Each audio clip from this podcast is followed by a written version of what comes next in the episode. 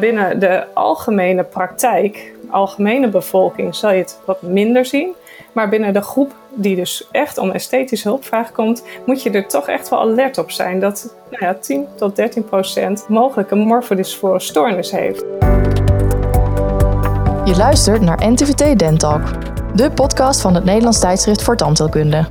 We gaan hier in gesprek met belangrijke experts, interessante onderzoekers en boeiende ervaringsdeskundigen. En misschien wel met jou. De presentatie is in handen van tandarts-epidemioloog en hoofdredacteur van het NTVT Casper Bots. Uit onderzoek blijkt dat driekwart van de Nederlanders bezorgd is over zijn of haar uiterlijk. Ook lijkt de ontevredenheid van mensen over het eigen lichaamsbeeld de laatste jaren steeds meer toe te nemen. Soms gaan bezorgdheid en onbehagen over het uiterlijk over in extreme en irreële ontevredenheid. Als tandarts of MKA-chirurg kan je dan te maken krijgen met patiënten die om invasieve behandeling vragen voor ogenschijnlijk vrijwel niet opvallende dentale of esthetische onvolkomenheden. Wanneer de ontevredenheid over het lichaamsbeeld ook nog samengaat met toenemend lijden of beperkingen in dagelijks functioneren, wordt gesproken van BDD of een morfodysfore stoornis. Dat is het onderwerp van deze Dentalk podcast van vandaag. Ik ga hierover in gesprek met dokter Nienke Vullink en dokter Mirjam Beeld. Nienke Vullink is psychiater in het Amsterdam UMC, locatie AMC en gespecialiseerd in body dysmorphic disorder. Zij heeft samen met de dermatoloog een psychodermatologisch spreekuur opgezet, zodat patiënten met BDD laagdrempelig in behandeling kunnen komen voor BDD op de afdeling psychiatrie. Nienke, vertel eens, wat is dat, psychodermatologie? Ja, psychodermatologie, dat is een uniek vakgebied wat mij betreft, waarin dermatologen, psychiaters en psychologen met elkaar samenwerken. En waarom? Omdat het gaat om patiënten die zich in eerste instantie melden bij een dermatoloog met een mhm. dermatologisch probleem. Maar gaandeweg wordt heel erg duidelijk dat ze veel eer een psychiatrisch, psychiatrisch of psychologisch probleem hebben. En kan je daar een voorbeeld van geven? Van een soort dermatologisch probleem waar ze dan mee komen? Ja, patiënten die zijn helemaal geobsedeerd met bijvoorbeeld hun acne. En zijn ervan overtuigd dat ze heel erg lelijk zijn, dat ze de deur niet uit kunnen, dat mhm. alle dermatologische behandelingen gefaald hebben. Terwijl eigenlijk de dermatoloog denkt, ja, nou, ik zie wel wat, maar zo ernstig is het niet. En wij dus zien dat het psychisch lijden van deze patiënten heel hoog is. En zij ernstig beperkt zijn in het functioneren. En daar uiteindelijk natuurlijk ook behandeling voor moeten krijgen. En dan is de uitdaging erin dat die patiënten ervan overtuigd zijn dat het een dermatologisch probleem is. En dat wij mhm. moeten dus gaan duidelijk maken dat het veel meer een psychologisch of psychiatrisch probleem is. Oké, de hele uitdaging eh, denk ik soms. Zeker, zeker. Ja, we komen daar waarschijnlijk zo meteen ook nog wel even over eh, te spreken, over de, je spreekuur.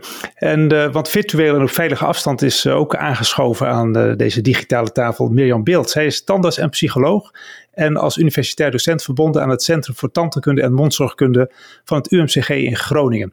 Daarnaast is hij werkzaam als tandarts angstbegeleiding bij het Centrum Bijzondere Tandheelkunde van het Martini Ziekenhuis, waar zij mensen behandelt die vanwege angststoornissen of andere psychoproblematiek moeilijk tandheelkundig behandelbaar zijn.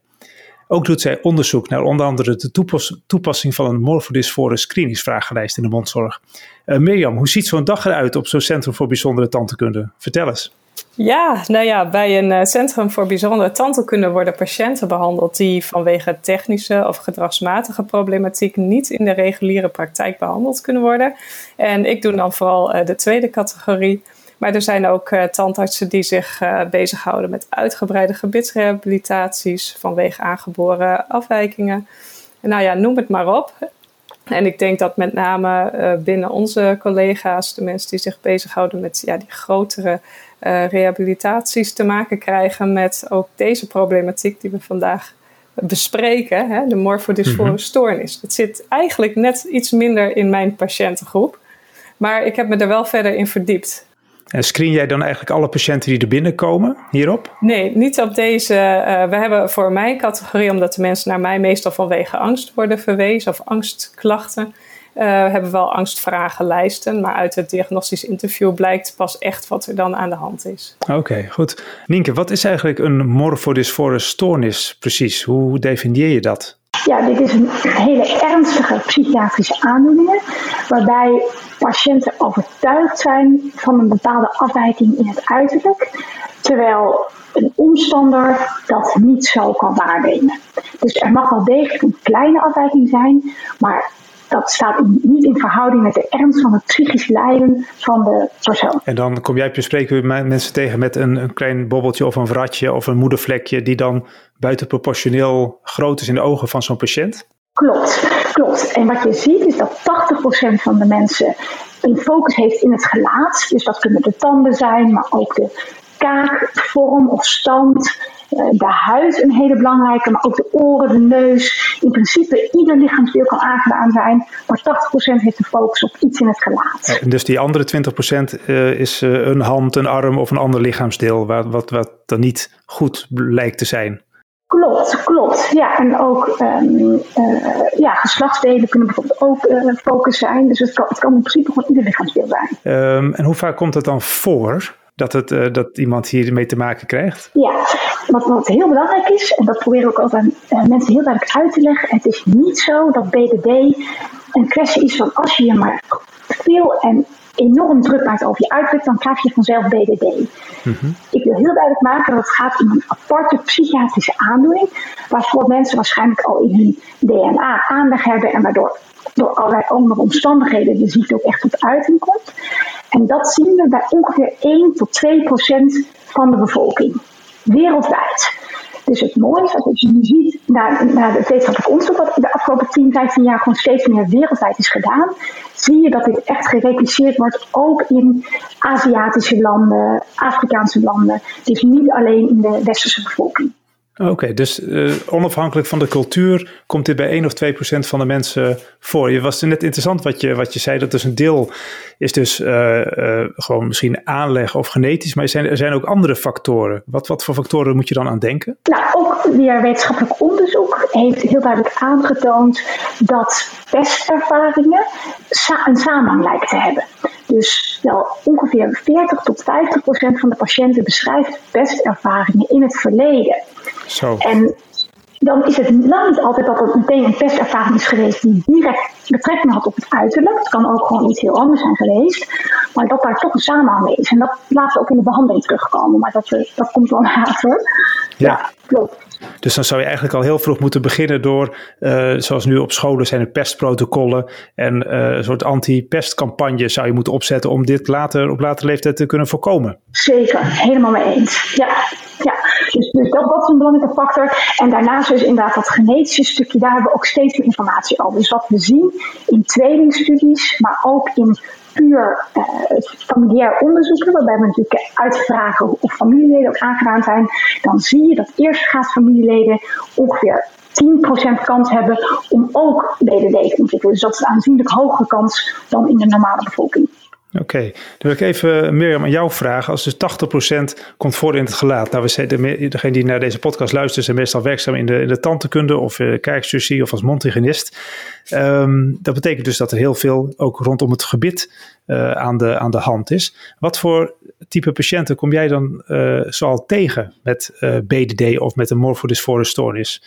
Wat voor, kan je wat voorbeelden noemen? Ja, nou, ik wou nog even aanhaken op uh, wat Nienke zojuist zei. In de mhm. algemene bevolking is het inderdaad relatief uh, nog beperkt, hè? 1 à 2 procent. Nou ja, in absolute aantal is dat natuurlijk toch wel eens een heel aantal.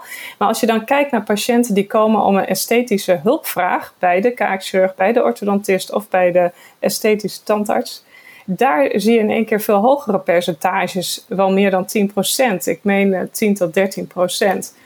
Dus dat is wel heel interessant. Dus uh, binnen de algemene praktijk, algemene bevolking, zal je het wat minder zien.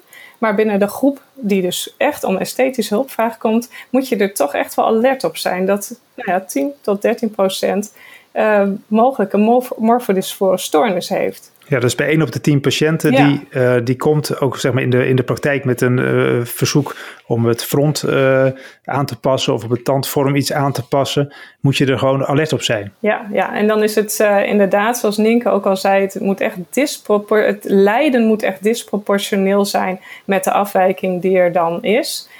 soms is er wel daadwerkelijk iets waarvan je ook als standaard zegt: oh ja, dat kan wel verbetering behoeven.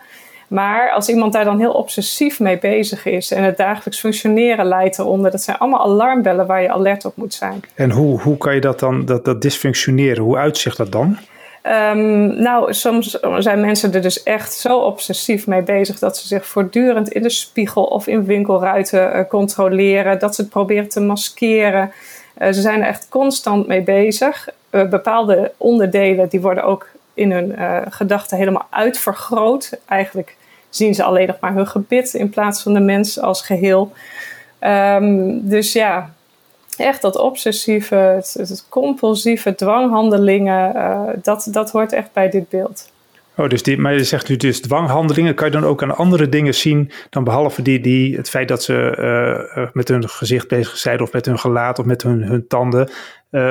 Aan andere handelingen die ze doen, uh, dat er mogelijk een morfodysfore stoornis is. Wij hoeven natuurlijk als standaard geen diagnose te stellen, denk ik, maar we moeten wel alert kunnen zijn erop. Nee, precies, daar heb je helemaal gelijk in. We moeten er heel erg voor waken dat wij als tandheelkundigen, die eigenlijk niet psychologisch zijn opgeleid, uh, labels gaan plakken of uh, diagnoses gaan stellen.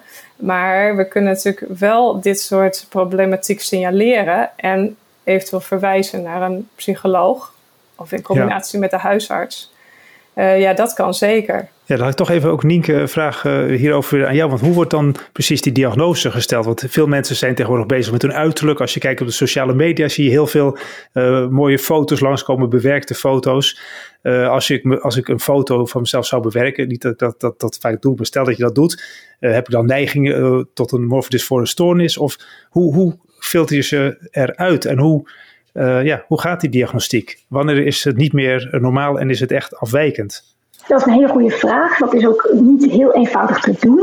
Ik, ik wil daar twee dingen over zeggen. Ik denk wat Mirjam heel mooi zei. Van, goh, ja, een tandarts hoeft natuurlijk niet de diagnose BVD te stellen. Dat is ook niet verstandig. Maar het is ongelooflijk belangrijk dat we samenwerken. Dus als ik even weer terugkom op dat psychodermatologie spreken, wat ik samen met de dermatoloog doe, dan moet u zich voorstellen dat wij echt samen uiteindelijk die patiënt proberen duidelijk te maken waar het werkelijke probleem van de patiënt ligt. Ja. En dat werkt dus niet meer goed. Het lastige is dat als jij als standaard of dermatoloog in je eigen spreekkamer op een gegeven moment signaleert, goh, ik denk hier aan BDD en je benoemt dat en zegt, goh, ik adviseer u om naar een psychiater te gaan, dan zal 90% van de patiënten vervolgens niet bij de psychiater aankomen. Ja. Want de patiënt denkt zelf niet dat daar het probleem ligt. Dus die voelt zich gewoon onbegrepen. En die denkt, nou, toedeledokie, ik zoek wel een andere tandarts. Ja. Dus dat, dat maakt het zo ingewikkeld. En daarom denk ik dat ook een hele nauwe samenwerking, of in het geval van Mirjam, dat je gewoon beide expertise zelf bezit, dat je daarmee uiteindelijk voor elkaar krijgt dat, dat je de patiënten kunt motiveren echt voor een psychiatrische en of psychologische behandeling. Maar hoe, hoe moeten we dat dan te sprake brengen? Als je zo'n, het is een soort niet-pluisgevoel, begrijp ik eigenlijk. Dus die diagnose daar ook even op terug te komen, is, is wel te stellen, misschien aan de hand van vragenlijsten eh, op zo'n bepaalde manier, denk ik. Het is meer de vraag van hoe kunnen we dat dan te sprake brengen. Ehm, mag ik dan vragen, Mirjam, hoe jij dat doet? Ja, nou, het is natuurlijk zo dat wij in een Centrum Bijzondere Tanden wel meer tijd ook voor patiënten hebben en ook uh, meer waarschijnlijk de mogelijkheid hebben om uh, meer met patiënten in gesprek te gaan in het algemeen. Maar het voordeel weer van de algemene praktijk is dat je iemand langer ziet. Wij krijgen op enig moment iemand verwezen. En dan, ja, dan loop je eigenlijk al een beetje achter de feiten aan. Terwijl als algemeen practicus zie je soms een gezin jarenlang en opgroeien. Uh, waardoor je meer over een langer bestek een beeld hebt ja, ik ben er ook altijd wel erg voor om het gesprek met de patiënt aan te gaan en niet alleen maar goedemorgen en tot handelen overgaan. Uh, het gaat vooral erom om erachter te komen hoe erg die lijdensdruk is. Hè? Iemand kan wel een esthetische hulpvraag hebben, maar daar verder in het dagelijks leven niet echt mee bezig zijn. Maar als je in het gesprek erachter komt dat iemand daar voortdurend mee bezig is, dat dingen spaak lopen op sociaal vlak, dat mensen zich zo erg schamen uh, voor iets wat eigenlijk voor een ander helemaal niet zichtbaar is. Of de studie gaat eronder lijden. Dat zijn echt hele duidelijke alarmsignalen. En het ligt er soms best wel dik bovenop. Als jij je urenlang uh, bezighoudt met je gebit op een dag, dat is niet meer normaal. Ja, als iemand tien keer gaat poetsen of tien keer per dag uh, gaat stoken om het uh, schoon te houden of zo, zoiets dergelijks? Ja, dat, dat, is dan meer een dwanghandeling, wat misschien meer richting uh, hè, iets als smetvrees of iets dergelijks leidt. Maar um, het gaat meer echt om het controleren. Soms gaan mensen zelfs over op zelf elementen corrigeren door de stukjes af te veilen, omdat ze van mening zijn dat de tanden te lang zijn. Dus je kan soms ook echt schade zien ten gevolge van deze stoornis. Ja, en um, wat zijn dan, uh, ben toch wel nieuwsgierig, van je wil natuurlijk eigenlijk een soort filter hebben om die mensen eruit te halen. Het blijft een beetje dezelfde, dezelfde vraag, iets uh, anders als toch als zo straks. Wat zijn dan risicofactoren? Ik hoorde net al zeggen, uh, 40 tot 50 procent van de mensen die is gepest. Want jij hebt een speciale vragenlijst bij aan het ontwikkelen voor je onderzoek, hè? begreep ik. Ja, nou ja, dat wordt op dit moment al onderzocht. En eigenlijk het is niet zo heel veel nieuws als wat er al was. Want we hebben deze vragenlijst afgeleid van een vragenlijst die trouwens Nienke ook al heeft gebruikt. Maar het was nog in de tijd van uh, de vorige, um, ja, het vorige klassificatiesysteem. Dus we hebben het geüpdate naar het huidige klassificatiesysteem.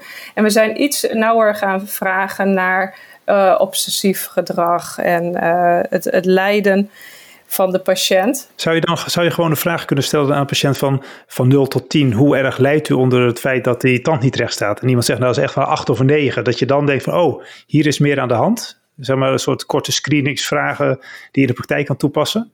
Of daar zijn nog aan het onderzoeken? Nee, nee, nee. Dat, sta, dat soort vragen staan inderdaad in. We hebben deze vragenlijst nu eerst uitgezet bij uh, een MKA-afdeling. Dus voor mensen die komen voor aangezichtschirurgie. En dan staat mhm. er bijvoorbeeld in: uh, hoe ernstig vindt u de onvolkomenheid of de aandoening van het deel van uw gezicht of hoofd waarvoor u naar de MKA-chirurg gaat?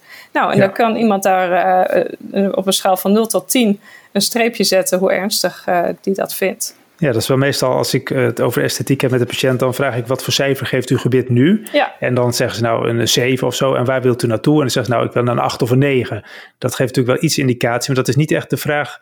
Uh, dan krijg je dit niet echt mee naar boven, denk ik. Of wel? Of moet je nee, zeggen? Nee, is dat... uh, ook die uh, hè, van de DSM-5, dus het klassificatiesysteem voor allerlei psychische stoornissen. Die vragen zitten er eigenlijk ook in verwerkt. Dat zat ook al in de vragenlijst die voor esthetische chirurgie werd gebruikt. En dan gaat het bijvoorbeeld over: uh, maakt u zich zorgen? Dat begint natuurlijk met de beginvraag van: maakt u zich zorgen over hoe een deel van uw gezicht of hoofd eruit ziet? En vervolgens krijg je dan subvragen die uh, dan vragen: nou, denkt u daar veel over na? Leiden uw zorgen tot veel spanning of kwelling? Um, nou ja, en beperken deze zorgen u in het dagelijks functioneren? Nou, dat soort uh, vragen krijg je dan allemaal. En die vragen die hangen weer samen dus met de klassificatiecriteria van de morfodysfore stoornis. Ja, en dan uh, concreet, als we dat dan uh, proberen weer te vertalen gewoon naar de, praktijk. Ik heb zo'n gevoel, dit, dit, is een patiënt 1 op de 10. Nou, dit zou mogelijk iemand kunnen zijn waar dat speelt. En dan loop ik dus risico dat als ik ga beginnen, dat ik dan nooit meer eindig met een behandeling of zo. Ja, ja, of dat iemand gaat shoppen uh, en het, dat het uiteindelijk. Nou, dat is trouwens nog wel even belangrijk om te benoemen.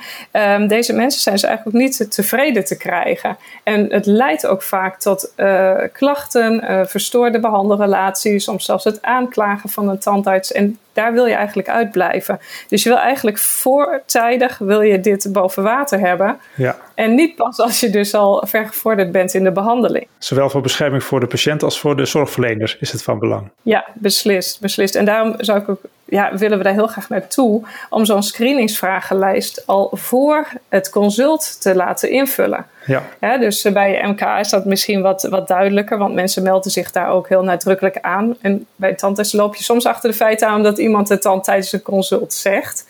Maar goed, dan kan je altijd nog weer een vervolgafspraak plannen en van tevoren deze vragenlijst uh, meegeven. En zijn die vragenlijsten gewoon echt te, te downloaden of kunnen we die beschikbaar stellen? Nou, die is nog in onderzoek, dus hij is nog niet beschikbaar. En we hebben helaas uh, door de coronaperiode een beetje weinig uh, respons tot dusver. Maar we gaan er voorlopig gewoon mee verder. En hij zal uiteindelijk ook beschikbaar komen. Oké, okay, dus dan komt TCT een publicatie, het NTVT erover. Kunnen we dat lezen? Ja, ik hoop het wel. ja. Nienke, ik wil nog even naar jou uh, toe gaan. Of dat, kan je, dat, dat spreekuur met de psychodermatologie, dat past, het lijkt dus een klein beetje op het, het spreekuur wat Mirjam in Groningen uh, doet. Alleen jullie werken dus heel nauw samen en bij de poortselecteur wordt al dan zo'n vragenlijst afgenomen als mensen komen? Of hoe gaat dat precies? Ja, zeker. Dus, dus in principe uh, krijgen patiënten vragenlijsten van tevoren, al voordat ze het eerste consult krijgen, om daarop te screenen. En dat heb ik natuurlijk ook in onderzoek gedaan. Hè. Is dat ik in mijn onderzoek zowel bij de dermatologie als de plastische chirurgie als de MKA uh, hebben dit onderzoek al uitgevoerd met inderdaad, zoals Mirjam zei, de vragenlijst ter screening voor BDD. Waarin je dus inderdaad dit soort getallen krijgt. Hè, dat is tussen de 3 en de 10 procent van alle patiënten die zich op deze polykliniek aanmeldt, eigenlijk voldoet aan de criteria van BDD. Ja. Dus ik geloof absoluut erin dat het screenen, het standaard aanbieden van dit soort vragenlijsten aan alle patiënten die zich daar aanmelden, gewoon al kan helpen om überhaupt het gesprek op gang te krijgen. En dat is ook voor deze somatische uh, een uitdaging, of, voor tandartsen, omdat je dat misschien niet zo gewend bent, maar dat het je absoluut kan stimuleren om daarover dan met de patiënt in gesprek te gaan. En dat ze dan ook durven vertellen wat hun bezighoudt. Ja. Ja, wat zou dan de vervolgstap zijn? Dan hebben we inderdaad, de screening is goed gegaan. We weten, we hebben hier te maken met een patiënt met eh, BDD of met zo'n morfodysfore uh, stoornis. Uh, hoe kunnen we dan zo'n patiënt het best helpen? Wat voor soort behandelstrategieën uh, zijn dan het beste om te, te doen? Ik denk, Nienke, dat jij daar het eerst het meest over kan zeggen. Ja, dat, is, dat vereist wel echt expertise. Het is een, een aandoening die ook onder psychologen en psychiaters in het algemeen niet heel erg bekend is. Dus ik denk dat het belangrijk is dat patiënten echt in gespecialiseerde centra daarvoor terecht kunnen. Mhm. En dat heb je nu ook steeds meer in Nederland. We zijn niet meer in het ANC de enige. En wat deze mensen nodig hebben is enerzijds medicatie. Dus er zijn verschillende studies die hebben laten zien dat SSRI's, wat ook werkt bij een depressie, dat ook werkt bij een dwangstoornis zoals smetvrees, werkt ook bij eh, BDD. Dat kan echt heel duidelijk de obsessie met dat uiterlijk verminderen en de angstklachten omlaag krijgen. Ja.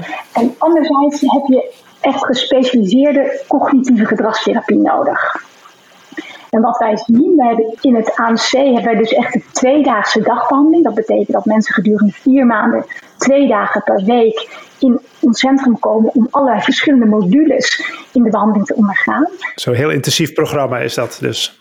Ja, dat is heel intensief. En, en dan zien we dat als mensen dat dus vier maanden hebben gedaan, dat er gemiddeld 40% afname is in de ernst van de klachten. Zo, nou is dat, dat is een goed resultaat, denk ik, toch? Of? Ja, ja, dus daar zijn we heel blij mee. En dat, maar je ziet dat het een, uh, nou, dus nogmaals een ernstige aandoening is. En wat het ook uh, namelijk zo erg maakt, hè, we noemen het namelijk een obsessie met het uiterlijk. Maar eigenlijk heeft het bijna het karakter meer van een waanstoornis. En wat ik daarmee bedoel, is dat dus patiënten heel vaak niet van te overtuigen zijn dat hun overtuiging niet reëel is. Oftewel, ze zijn er echt helemaal van overtuigd, dit is de realiteit. Ja. Dus dat maakt ook dat je ziet dat in de behandeling het heel moeilijk is om daarin echt een verandering aan te brengen. Dus wat wij zien bij de patiënten op het eind van de behandeling is dat het beter met ze gaat, dat ze hun, hun dwangmatigheden en controlegedrag hebben kunnen afbouwen, dat ze niet meer zo vermijden, meer de straat op durven. Maar de werkelijke overtuiging is vaak nog best wel grotendeels aanwezig. Ja, dus het is, een, het is wel hoopvol, maar er is ook nog een hele grote groep die daar toch uh, levenslang last van blijft houden. Ja, ja, en dat zijn ook de uitkomsten wereldwijd. Dus je ziet dat mensen een duidelijke afname van klachten hebben, maar dat het echt helemaal verdwijnt, die kans is niet heel erg groot. Ja, en Mirjam, hoe doen jullie dat in Groningen? Jullie hebben ook zo'n soort dergelijke therapie? Nee, het is niet zoals um, uh, wat Nienke doet, want ze heeft wel echt gelijk. Er is hier onder psychologen in het algemeen ook weinig kennis over. Dus je zit echt uh, naar gespecialiseerde GGZ te kijken of uh, nou ja, zo'n psychodermatologie afdeling. Maar wij signaleren het en we kunnen natuurlijk wel met onze eigen afdeling medische psychologie samenwerken op dit vlak. En daarin zijn we wel in het voordeel ten opzichte van de algemene praktijk. Want de lijntjes binnen een ziekenhuis, een centrum bijzondere tandheelkunde is vaak gelieerd aan een ziekenhuis, daar heb je natuurlijk veel sneller een link en werk je ook gewoon samen met medische psychologen. En overigens, zij zijn daar ook heel vaak niet in gespecialiseerd, maar weten wel de wegen te bewandelen um, waar iemand dan wel goed terecht kan. En het moet ook echt individueel worden ingeschat. Hè? Sommige mensen die kunnen bijvoorbeeld uh, ja, naar een gespecialiseerd centrum, uh, misschien zelfs 100 kilometer verderop worden verwezen. Anderen misschien wel binnen de stad. Het hangt van de problematiek af.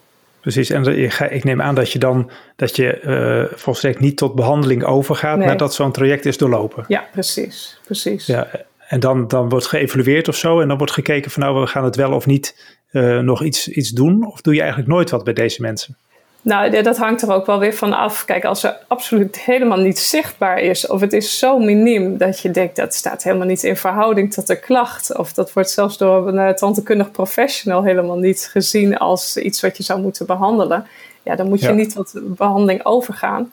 Ehm, maar je hebt, dat is trouwens wel best wel een moeilijke groep, een groep die dus, waar daadwerkelijk wel iets zichtbaar is, wat je ook zou kunnen behandelen, maar waarbij het lijden gewoon helemaal niet in verhouding staat tot die afwijking. Oké, ja, dus een heel klein hoekje van een uh, incisief of zo boven. Dat je denkt van nou, ik zie het amper, maar van een bepaalde hoek kan je misschien iets zien. Ja, ja, en dan kom je dus in die fuik van je gaat het wel behandelen. En vervolgens is iemand daar helemaal niet tevreden over. Precies. En die blaast ja. je op tot enorme proporties.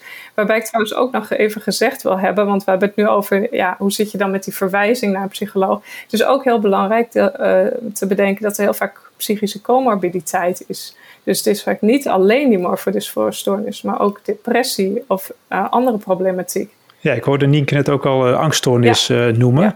Zijn er nog meer voorbeelden van, van wat samengaat? Nou, ik denk dat dat wel de, de hoofdmoot is. Maar um, ja. Heb jij er nog aanvullingen op, Nienke? Ja, dit, dit zijn inderdaad de belangrijkste middelenmisbruik. Uh, zie je ook vaak ook comorbiden voorkomen. Dus alcohol of andere middelen. En inderdaad de depressie, dwangstoornis, anorexia nervosa. Ja, er is een, een grote comorbiditeit, zeker. En er zijn ook veel mensen die hebben iets van verwaarlozing in de achtergrond. Hè? Fysiek misbruik, seksueel misbruik. Dus je moet ook naar die... Um, ja, uh, altijd uh, iets van PTSS in het achterhoofd houden. Dus het is vaak complexer dan alleen die morfodysfore stoornis. Ja, dus die posttraumatische stressstoornis, uh, die PT. En, en daar is dan, want je hoort natuurlijk ook wat dingen over EMDR. Dan is voor PTT, voor die posttraumatische stressstoornis, is dan bijvoorbeeld EMDR een mogelijke therapie? Ja, maar ik denk wel dat je het in het geheel moet zien. Dus je moet het wel ja, holistisch benaderen, zeg maar. Ja, en dan, uh, dus dat is echt uh, vakwerk voor de psychiater of de psycholoog. Exact. Ik denk eerder uh, in psychiatrische zin, maar dat kan Nienke beter aanvullen. juist vanwege complexiteit. Ik ben helemaal mee eens. Dus, dus de traumabehandeling zien wij als een onderdeel, een module van de hele behandeling. Wanneer dat heel duidelijk een rol speelt. Precies. En dan doen we wij, wij kiezen vaak niet voor EMDR, maar voor trauma rescripting. Maar dat is een andere techniek inderdaad. Ja, dus, dus als ik dit, wat we nu hebben besproken, eh, samenvat, dan is het een, stoornis die bij 3 tot 10 procent van de mensen die met een esthetische vraag komt, uh, wordt gezien. Zo ongeveer globaal. Dat het wereldwijd uh, voorkomt, los van een westerse cultuur of andere, andere cultuur. En dat er steeds meer mogelijkheden zijn om door middel van screeningsvragenlijsten zicht te krijgen op de risicopatiënten. Uh, zodat ze uiteindelijk, als we die goed kunnen filteren, dat we ze nog beter uh, kunnen helpen. En dat er op dit moment ook aan de, behandel, de behandelbaarheid ervan, dat het slagingspercentage, als je het zo mag noemen, ongeveer rond de 40% uh, eh, zit. En dat je volstrekt niet moet beginnen met behandelen voordat je zeker weet dat, dat er geen sprake is van een morfodysfore stoornis. Of is dat laatste, is, ja goed, dat is misschien wat, wat lastiger, maar dat je dus goed moet screenen van tevoren. Ja, dat is zeker. Maar het percentage ligt dus wel wat hoger. Hè? Dus het is niet 3 tot 10, maar echt wel, uh, nou ja, voor uh, klinieken waar cosmetische ingrepen plaatsvinden, is het al 13 tot 15 procent. En um, bij orthogonatische chirurgie zo 10 procent. Precies, dus uh, ja, gewoon veel vaker dan je zou denken misschien. Ja, ja, ja, ja. En, en Amerikaanse studies, en Amerikaanse studies, dan zit je al tussen de 24 en soms bijna 40 procent. Hè? Dus ik bedoel, dat verschilt ook nog wel een beetje per cultuur, uh, denk ik. En hoe het misschien gemeten wordt. Zeker, zeker, zeker. En mag ik alsjeblieft ook nog één ding zeggen, want ik wil heel graag nog wel zeggen over eh, hoe ik denk hoe, wat een tandarts of een MKA-chirurg kan doen hierin. Hmm. Onderschat niet de waarde die het heeft als juist deze somaticus het gesprek aangaat met de patiënt. Dat hij inziet dat het lijden van de patiënt heel groot is, maar dat dat dus ligt op een ander vlak dan dat cosmetische stukje. En dat je daarover op gesprekken gaat en dat dat echt kan helpen de patiënt te motiveren de goede behandeling te zoeken. Ja, dus dat je eigenlijk naast de patiënt gaat staan van hoe kan ik jou het beste helpen en niet gelijk uh, de vulling uh, of de facing of iets, uh, iets anders te gaan lopen maken. Ja, exact. En dus erkenning geeft van de ernst van het psychisch lijden en dat daar absoluut erkenning voor moet zijn en dat daar hulp voor moet komen en dat, dat, dat die er ook is, dat er gewoon gespecialiseerde behandeling voor is. Ja, dat biedt, biedt toch wel heel veel hoop, uh, zo Nienke. Zo aan het eind van deze podcast, vind ik. Wat ik me tot slot nog af, afvroeg, uh, we hadden, zo straks noemde ik al even sociale media en zo. Um, de laatste jaren lijkt het dus toe te nemen, zei ik ook in de introductie. Uh, de morfodysforenstoornissen. Wat is nou exact de, de rol van de, um, van de sociale media of de huidige maatschappelijke ontwikkelingen? Weten jullie daar iets van? van speelt dat een grote rol of zijn er andere factoren, Nienke? Dat speelt zeker een rol. Ja hoor, net ook weer recente studies die dan worden uitgevoerd onder adolescenten, die keihard aantonen dat dus het gebruik, het veelvuldig gebruik van sociale media, ook samen lijkt te hangen met onvrede over het lichaam, over het uiterlijk. Dat je dus ziet dat die mensen veel meer geneigd zijn om sociale media te gebruiken, om hun foto's aan te passen en weer te uploaden en allerlei dingen te gebruiken om het te verfraaien en dat dat elkaar ook versterkt. En dat is dan vaak bij meisjes nog wat meer het geval dan bij jongens. Maar adolescenten zijn natuurlijk sowieso een risicovolle populatie, om het zo maar te zeggen. Dus dat is zeker een risico, ja. Ja, dus, dus jongeren, sociale media. En de, maar dus de, de, of het nou een westerse maatschappij is of een hele andere maatschappij, dat maakt dus niet veel uit. Nee, en ik zag net recent ook weer een meetanalyse waarin ze hebben laten zien dat juist ook bijvoorbeeld in Aziatische landen, in Japan, in China, Australië, ook dit gebruik van sociale media en het nastreven van westerse idealen in het uiterlijk een enorme vlucht heeft genomen. En dus ook de onvrede over het uiterlijk heeft toenemen onder jonge mensen. Oké, nou, ik, ik, ik hoop dat het in de, de toekomst dat het uh, iets mag normaliseren en dat, het, dat niet al te veel mensen hier mee te maken krijgen, zodat het lijden beperkt mag blijven. En dat we uiteindelijk als, als mondzorgverleners ja, daar gewoon scherp op zijn en een, onze rol uh, pakken om naast de patiënt te zitten en de patiënt het beste te mogen helpen. Um, we zijn hierbij aan het einde gekomen van deze Dentalk podcast over het onderwerp morfodysfore stoornissen in de mondzorgpraktijk. Waarin we in gesprek waren met Nienke Vullink en Mirjam Beeld. Bedankt voor het luisteren en graag tot de volgende keer. Dit was NTVT Dentalk, de podcast van het Nederlands tijdschrift voor tandheelkunde. Heb je tips of leuke vragen voor ons? Laat het ons weten via redactie.ntvt.nl. Bedankt voor het luisteren en graag tot de volgende keer.